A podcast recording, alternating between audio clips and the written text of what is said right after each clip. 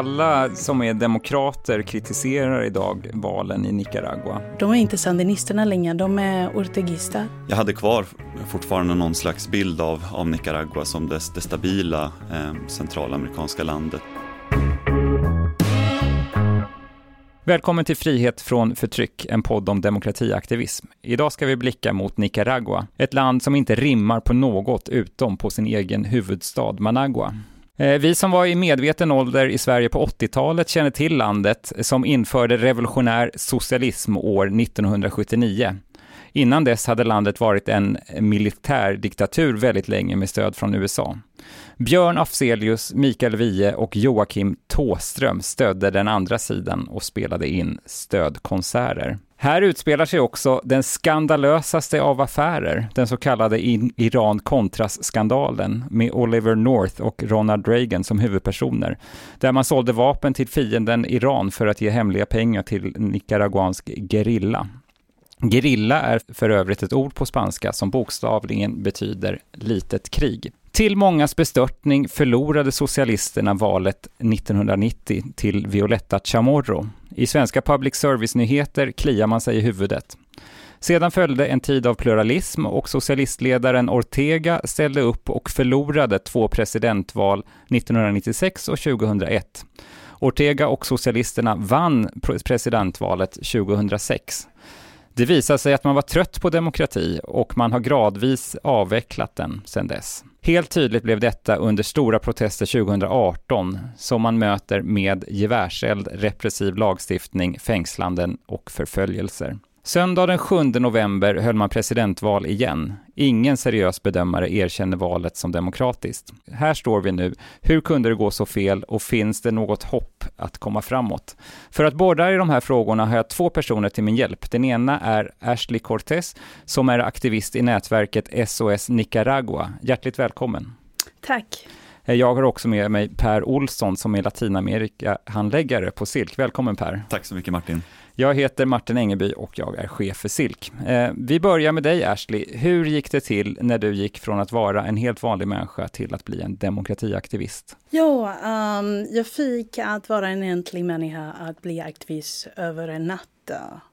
Efter en samtal med mina gamla klasskamrater som var i demonstrationen och min familj. Och jag kunde inte tro vad jag hör, jag kunde inte tro vad jag ser i sociala medier. Så jag, jag blev väldigt ledsen och jag kunde inte vara där och stötta mina gamla klasskamrater och min familj och framförallt för att demonstrationerna började på grund av en uh, att justering med pensionärer. Så de skulle dra mer pengar för dem som har redan betalat skatt. Mm. Och, uh, så jag bara började tänka, gud vad kan jag göra här som jag är i annan sida i Nicaragua. Och uh, ja, så det började med en hashtag SOS Nicaragua. Mm. Och uh, jag, jag blev oh, chockad. Mm. Att jag kunde inte göra ingenting när det fanns några gamla klasskamrater som död i demonstrationen. Det är sant? Och, okay. Så vi pluggade tillsammans i Upoli universitet, som då var en stor studenterna uh, från Upoli den här mm. universiteten som jag pluggade, mm. som var med. Och ja, så började jag att uh, organisera demonstrationen i Göteborg. Mm. Och uh, träffade lite folk i Stockholm och uh, Malmö också. Ja, per, du var i, eller i Nicaragua ganska nyligen, 2019. Hur var stämningen då? Det här är då ett år efter demonstrationerna som Ashley nämnde. Precis, och ehm, ja, jag blev, måste jag säga, ganska, ganska chockad över den ja, allmänna rädsla som, som, som fanns i samhället då. För att eh, jag hade kvar fortfarande någon slags bild av, av Nicaragua som det, det stabila eh, centralamerikanska landet dit, dit folk åker som, eh, som turister, där det är min, mindre kriminalitet, där eh, man inte hört så mycket om, om, om våld och så. Men, men människor var, var uppenbart rädda. Sen så var det väl fortfarande så att, eh, att människor kunde organisera sig och eh, Eh, aktivera sig öppet mer än vad man, man kan idag. Det har ju, det har ju blivit eh, eh, successivt värre nu fram till valet eh, som var i helgen. Ja, till exempel bara, jag kan ta, jag, jag, han var lite turist där och åkte ut med en, en turistguide på en, en kajak i, i Nicaraguasjön. Och när vi hade kommit ganska långt från stranden så det bara var, var han och jag där så frågade jag honom lite vad, vad tycker du om, om politikerna, om, om regeringen och så. Och hans, hans läpp började darra och han, han började flacka med blicken och ville inte säga någonting. Um, ja, jag kan ge, ge, andra exempel också men, men det, var, det var uppenbart spänt. Mm. Ja, Ashley, alla som är demokrater kritiserar idag valen i Nicaragua. Eh, ja, det, det, presidenten säger att han har vunnit dem, eh, men det gör ju alltid diktatorer. Eh, hur stort är det faktiska stödet till Ortega idag? Eh, och vilka är det som röstar på honom? Ja, jag kan säga att det är ingen som um, håller med honom länge. För att människor är trött på alla repressioner och uh, det finns inga mänskliga rättigheter. Även den uh, grundläggande att man kan ha en demonstration. För om man gör det så man går till fängelse.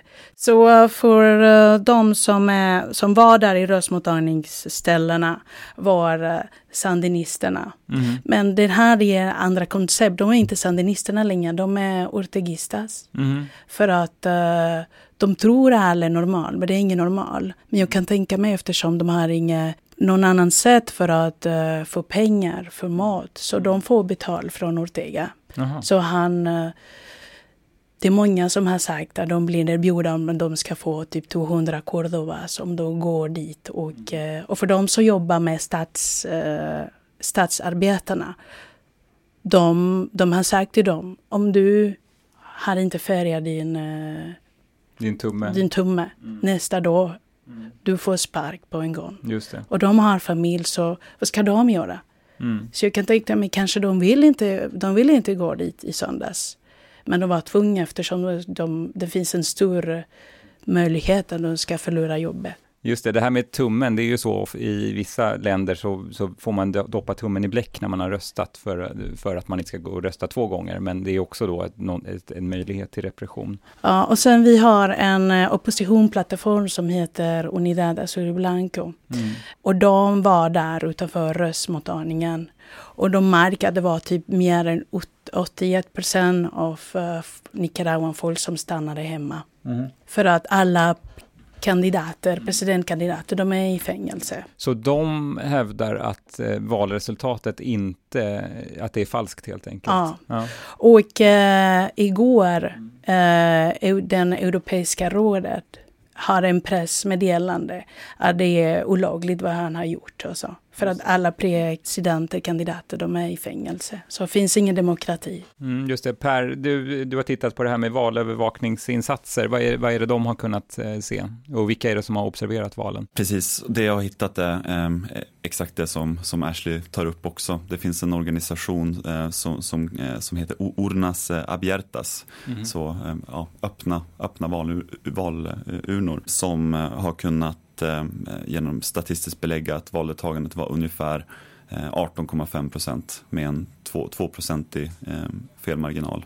Mm. Um, och vad säger regimen? Ja, de har hävdat att det var på 66 tror jag, eller något sånt där. Mm. Eh, att valdeltagandet har ökat då från, mm. från de tidigare valen. Mm. Ja, det, det, det verkar vara uppenbart en, ehm, ett förfalskat val. Man gjorde också valundersökningar innan och eh, där tydde det på att det var 34 procent som hade tänkt gå och rösta eller som uppgav att de tänkte gå och rösta. Och en majoritet av de här var, precis som Ashley också sa, statsanställda, offentligt anställda. Just det, men EU har också haft observatörer på plats. Det har jag faktiskt inte läst, läst på måste jag säga. Du kanske vet mer? Eh, nej, de, de låter inte dem att uh, gå in i Nicaragua. Ja, precis. Ja, okay. Och även i internationella Amerika och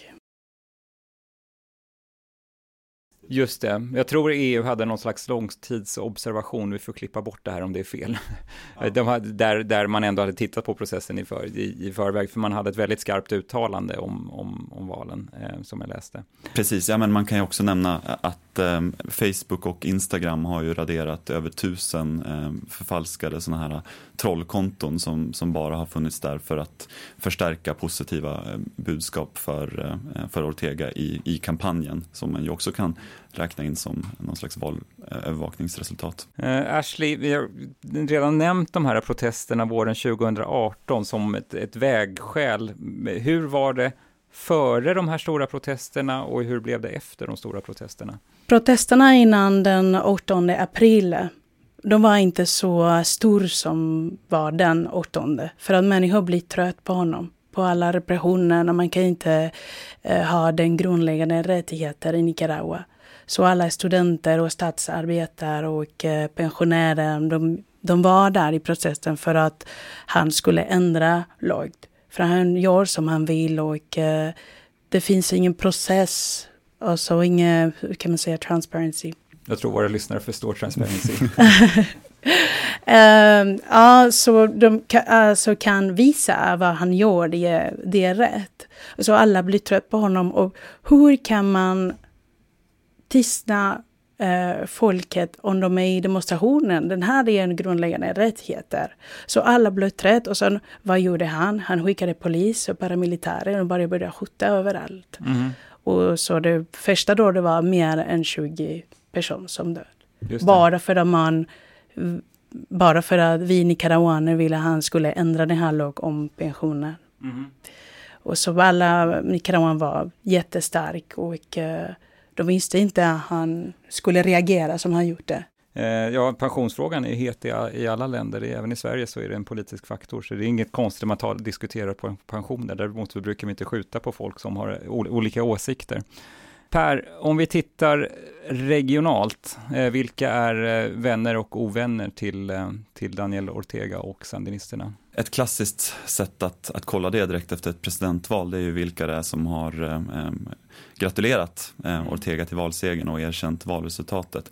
Och då är det då the usual suspects Kuba eh, och Venezuela, de två totalitära eh, socialistiska diktaturerna i närområdet och sen har vi då det auktoritära Bolivia som också eh, har eh, gratulerat till segern. Sen kan man nämna också till exempel eh, eh, arbetarpartiet i Brasiliens ord, ordförande Lula da Silva som, som också har gratulerat till en stor demokratisk framgång. Det var en besvikelse måste jag säga. Ja, verkligen. Eh, men man kan väl säga att ett tecken på att, att eh, det som är i Nicaragua, det är inte någon slags korser socialism, det, det, är någonting extremt. Man kan ta till exempel att Mexiko och, och Argentina som också har vänsterregeringar, eh, de har under sommaren och hösten kritiserat eh, Nicaraguas och, och fängslandet av, eh, av alla politiska fångar, de, de presidentkandidater som man har fängslat och, eh, och så. Man har heller inte i Argentina till exempel tagit ett tydligt avstånd från valet, så att mm. det är väl någon slags mm. gråzon där. Mm. Ashley, kvinnorörelsen har varit ett starkt inslag i den Nicaragua, nicaraguanska oppositionen. Vad, varför, är, varför vänder sig kvinnorna mot Ortega? Jag kan börja säga framför allt för att äh, abort är förbjuden i Nicaragua. Så mm. man får tre år i fängelse Jaha. om man gör en abort. Och det finns någon annan anledning som gör att de, de tycker om, inte om Ortega. Och de har varit väldigt aktiva och det är många av dem som är i fängelse fortfarande. Mm. Även eh, presidentkandidater, eh, Chamorro. Har abort alltid varit förbjudet i... Eh... Nej, det var, det var tillåt att man skulle ha någon problem att man kunde göra en um, terapeutisk uh, abort. Mm. Men inte om man vill. Per, det här är någonting som engagerar dig väldigt mycket. Ja, eh, verkligen. Och för hela Latinamerika och, eh, och framförallt eh, framförallt Centralamerika är någonting som en region som sticker ut väldigt mycket just när det kommer till sexuell och reproduktiv eh, hälsa och rättigheter framförallt, framförallt abortfrågan. Det är, det är rätt, så, rätt så intressant för det är ganska många som de senaste 10-15 åren har, har menat att just sveket mot kvinnorna var en av de saker som gjorde att, eh, att Ortega kunde återfå makten i valet eh, 2006. Mm. För bara tio, tio dagar innan valet så eh, skärpte man då abortlagstiftningen, precis som Ashley ehm, berätt, berättade om, till att eh, ta bort alla undantag eh, från, från förbudet. Och det här var liksom en, en del av en, en ohelig allians med eh, den, eh, den katolska kyrkan där det också ingick bland annat att, att kyrkan skulle få, eh, få inflytande att, att kunna begränsa sexualundervisning i skolor till exempel. Mm. Så det var, det var egentligen eh, ett del av ett paket. Och ja, men, abort, abortförbudet som det ser ut i Nicaragua men även i El Salvador och Honduras är ju eh, groteskt.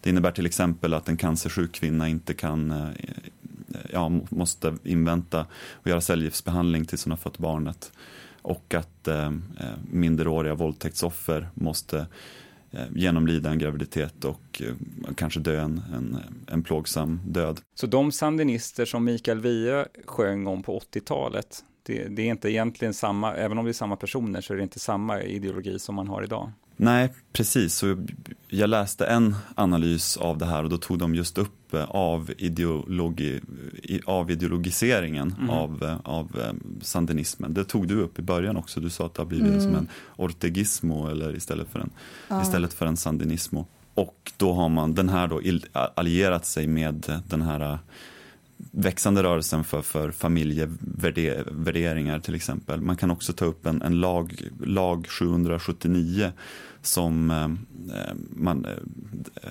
jämställdhetsrörelsen lyckades få igenom 2012 som innebar ett stärkt skydd för eh, kvinnor som utsätts för våld i, rela, i nära relationer. Den här lagen har då genom en rad olika justeringar i parlamentet och presidentdekret eh, försvagats så att eh, kyrkan ska ha någon slags medlingsfunktion då för att man ser den här lagen som ett hot mot familjen. Vad tycker du Ashley som demokratiaktivism om kyrkans roll i, i det här? För att det låter ju som att kyrkan inte är 100% demokratisk. Nej, jag är inte religiös och eh, i Centralamerika det är väldigt stark katolicism så jag tror det var Ortega Strategia han skulle säga att jag håller med dem kat katolis katolikerna. katolikerna. Tack. Um, han håller med katolikerna, så de flesta som är religiösa, självklart de ska säga ja, ah, vi tror på honom. Mm. För man ska inte göra så, för att vi tror på Gud. Och, mm. uh, så han manipulerar på det här sättet, att de ska se honom som en salvator. Ja, har påven sagt någonting om, om Nicaragua?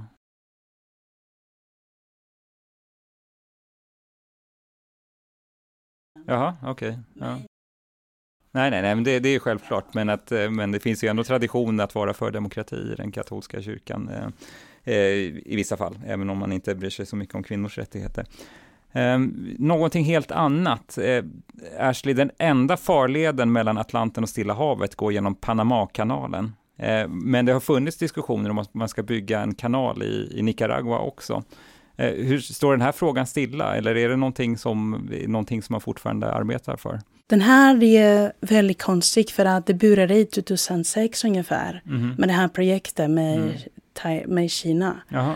Och eh, han var tvungen att flytta alla indigenous i eh, nära Indio Atlantic sida, i Nicaragua, Karibes sida. Mm. Så det var många som började protesterna i, eh, när han var, nej ni ska lämna den här uh, Tvångsförflyttning. Tvångsförflyttning, ja precis. Och det var många som var död också och de blev i fängelse och det var Bianca Jagger också där en gång mm. för att demonstrera och eh, fråga han skulle sluta med det för att det skulle påverka ekosystemet och det var inte rätt för eh, ja, att de skulle lämna där utan att få någon vital och framförallt för ekosystemet. Ja, det blir konstigt. Man har ju liksom socialisterna Eh, har ju ett brett stöd i Europa då, och man tänker sig att de ska vara feministiska och att de ska vara miljömedvetna och att de ska respektera minoriteter. 5% av befolkningen i Nicaragua tillhör liksom ursprungsbefolkningen. Eh, per, liksom, är det något, hur behandlar man den här ursprungsbefolkningen? Som vi fick en liten ledtråd här eh, så, så är det ju eh, minst sagt eh, en, en, komplicerad relation och en relation som inte eh, alltid har varit så bra eh, till, till eh, sandinisterna. Det var ju faktiskt protester också mot det här bygget som var en, en del av uppstartsfasen till, till de protesterna 2018. Så 2014 till exempel var det en del protester och sen så byggdes det på med andra, andra saker och så. Eh, den här relationen då, det det går tillbaka till, till eh, på 80-talet. Så efter att sandinisterna hade, hade tagit makten så ville man ju någon slags, någonstans säkra territori, territoriet och, och, säkra lojalitet från Eh, alla invånare och i alla delar av landet. Och till exempel så var det en, eh, en mass, eh, massavrättning av medlemmar i, i Miskito-folket som blev väldigt uppmärksammad. Man försökte tvångsrekrytera folk till armén och de här konflikterna gjorde att eh, många från just till exempel Miskitofolket flydde över, eh, över floden, över gränsen till Honduras. Och en del av dem tog också upp vapen, för det var i det här området som, eh, som Contras eh, eh trupperna fick fick, ja, tog till vapen och så, som sen ledde till inbördeskriget på 80-talet. De här liksom, revolutionära socialisterna, de vill ju visa liksom, sociala framsteg och jag vet att alfabetisering var ju en stor, liksom att, att lä, öka läskunnigheten och då finns det exempel på projekt som är finansierade av Sida på den här tiden liksom till stöd för alfabetisering, där lärmaterialet handlar om hur fantastiska sandinisterna är, och man får liksom lära sig att bli sandinist samtidigt som man lär sig, sig läsa. Precis. Men det är sånt där från, från förr. Ja, herregud. Nej, men, och sen i modern tid så har vi till exempel eh, som, som en del av den här oppositionsplattformen som du också nämnde, Unidad eh, Azul y Blanco, eh, så har eh, ett, en av medlemsorganisationerna varit Yatama, tror jag de heter, som är ett ett parti eh, från eh, miskitofolket, eh, framförallt. Ja, men och, och senaste åren har det också kommit vissa rapporter som även har, har nått liksom väst, västerländsk media och, och, och, så om massakrar, mord, våldtäkter eh, mot, eh, mot urbefolkning i, i det här området i nordöstra eh, Nicaragua. Så det verkar också ha att göra med liksom, illegal avverkning och såna, av skog, av regnskogen. Och man anser inte att man har fått tillräckligt med, med skydd från, eh, från nicaraguanska staten och polisen. Att det är utredningar som har lagts ner eller brott som har förminskats och sådana saker. Ashley, från ditt perspektiv, vad hoppas du att omvärlden som Europa, OAS och grannländer, Sverige, vad ska, vad ska vi bidra med för att skapa mer frihet i Nicaragua? Vi, SOS Nicaragua Europa, den här uh, aktivismnätverk som jag är med vi kämpar på att uh, Europeiska unionen ska tvinga honom att lämna för att de har gjort flera sanktioner mm. senaste de tre år. Just det. Så de, vi vill att de ska göra så många sanktioner för den här personen som, uh, som är involverad med regeringen mm. och som de kan sluta göra business med de andra länderna. Mm.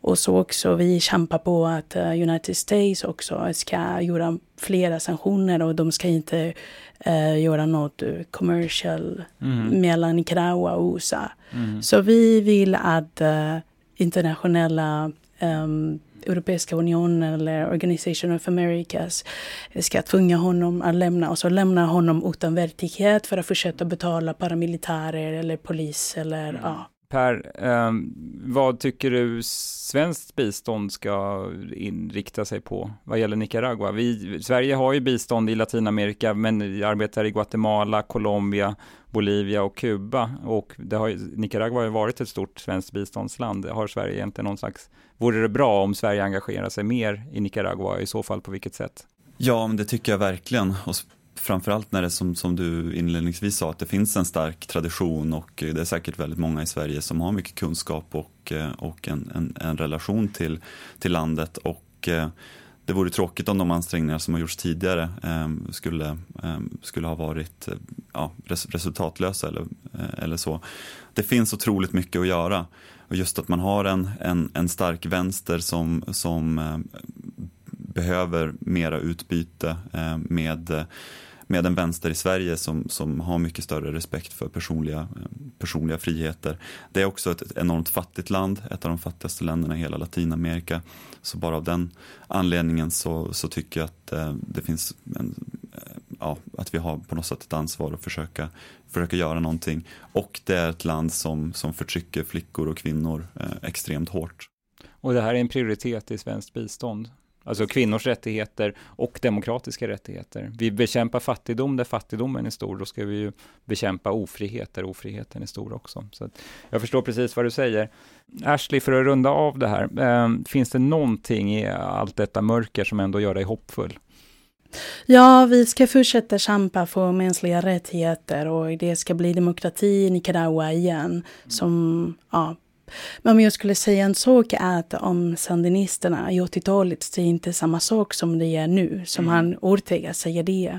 Vi har en samtal med Eva Zetterberg en söndag förra söndag när det var valet. Och hon var kastad ut från Ortega.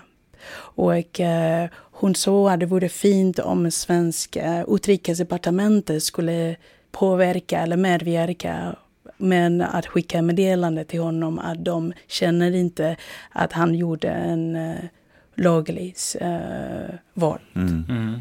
Så vi ska försöka kämpa med alla nicaraguaner i Europa och mm. vi ska inte sluta skicka uh, letters till Europeiska parlamentet och Organization of America också. Mm. Mm. Per, någonting som gör dig hoppfull?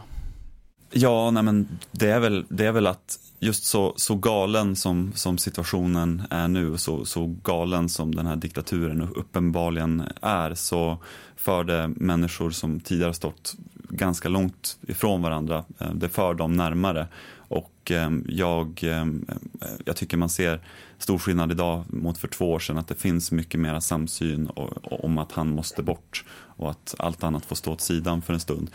Och ja, men, det finns otroligt mycket smarta, eh, duktiga, eh, engagerade eh, människor i landet som, eh, som eh, jag är helt övertygad om att de kommer kunna samarbeta på ett sätt som, som gör att han, eh, han tvingas lämna till slut och sen kommer de kunna samarbeta fram reformer och annat som kommer, kommer göra, göra gott för Nicaragua, det är jag helt säker på. Mm, tack båda två. Du har lyssnat på Frihet från förtryck, en podd om demokratiaktivism och biståndspolitik. Vi är SILK, Svenskt internationellt liberalt centrum, och vi arbetar med demokratibistånd, fria val och utvecklingsdebatt.